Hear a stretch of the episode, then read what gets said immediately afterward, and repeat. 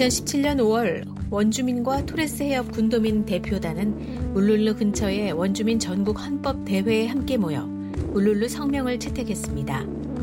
이 성명은 호주 원주민을 헌법상 인정하도록 호주 헌법을 개정할 것과 진실, 정의, 자기결정권을 바탕으로 나아갈 방향을 제안합니다. 2017 전국 헌법대회에 모인 우리는 남쪽 하늘 모든 지점으로부터 한데 모여 마음에서 우러나온 성명서를 발표한다.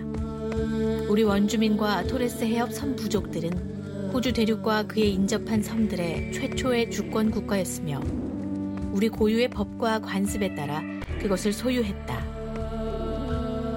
이는 우리 조상들이 문화적 추정에 따라 창조로부터 태고 시대의 관습법에 따라 그리고 6만 년 전 이어온 과학의 근거에 뒷받침될 수 있다. 우리의 주권은 영적인 개념이다. 이 땅, 즉 어머니의 자연과 그곳에서 태어난 원주민과 토레스 해협 군도민의 조상 대대로 내려오는 유대 관계는 한 몸과 같으며 언젠가는 우리의 조상들과 연합하기 위해 그곳으로 돌아가야 한다. 이 연결 고리는 토지 소유권의 기초가 되며 더 나아가 주권의 토대가 된다. 이는 결코 양도되거나 소멸된 적이 없으며 왕실의 주권과 공존한 적이 없다. 그런 적이 없는데 어떻게 이렇게 될 수 있었을까? 우리 조상들은 6만 년 동안 땅을 소유했지만 이 신성한 연결고리는 단지 200년 만에 세계 역사에서 사라졌다. 실질적인 헌법 개정과 구조 개혁을 통해 우리는 이 조상의 주권이 호주의 민족성을 더욱 완전하게 표현할 수 있다고 믿는다. 우리는 비율적으로 지구상에서 가장 많이 감금당한 사람들이다. 우리는 선천적인 범죄자가 아니다. 우리 아이들은 전례 없는 비율로 가족들로부터 멀어졌다. 이는 우리가 그들을 사랑하지 않았기 때문이 아니다. 그리고 우리의 젊은이들은 터무니없는 수가 구금돼 활기를 잃었다. 그들은 미래에 대한 우리의 희망이 돼야 한다.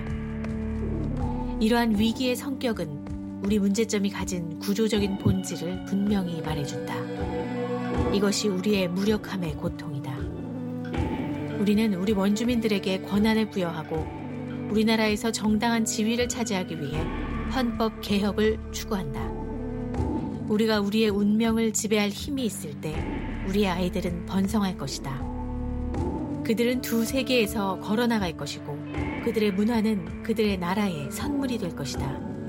우리는 원주민의 발언권을 헌법상 명시하도록 제정할 것을 촉구한다. 마카라타는 우리의 의제의 정점이다. 투쟁 끝에 함께하는 것이다. 호주 국민과의 공정하고 진실된 관계에 대한 우리의 열망과 정의와 자기결정권을 기반으로 우리 아이들의 더 나은 미래를 담고 있다.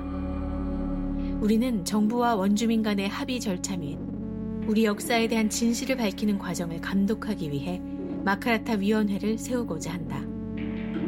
1967년 우리는 센서스 인구조사에 포함됐고 2017년 우리는 의견을 듣고자 한다. 우리는 베이스 캠프를 떠나 이 광대한 나라를 가로지르는 여행을 시작했다. 더 나은 미래를 위해 호주 국민들의 움직임에 동행하도록 여러분을 초대한다.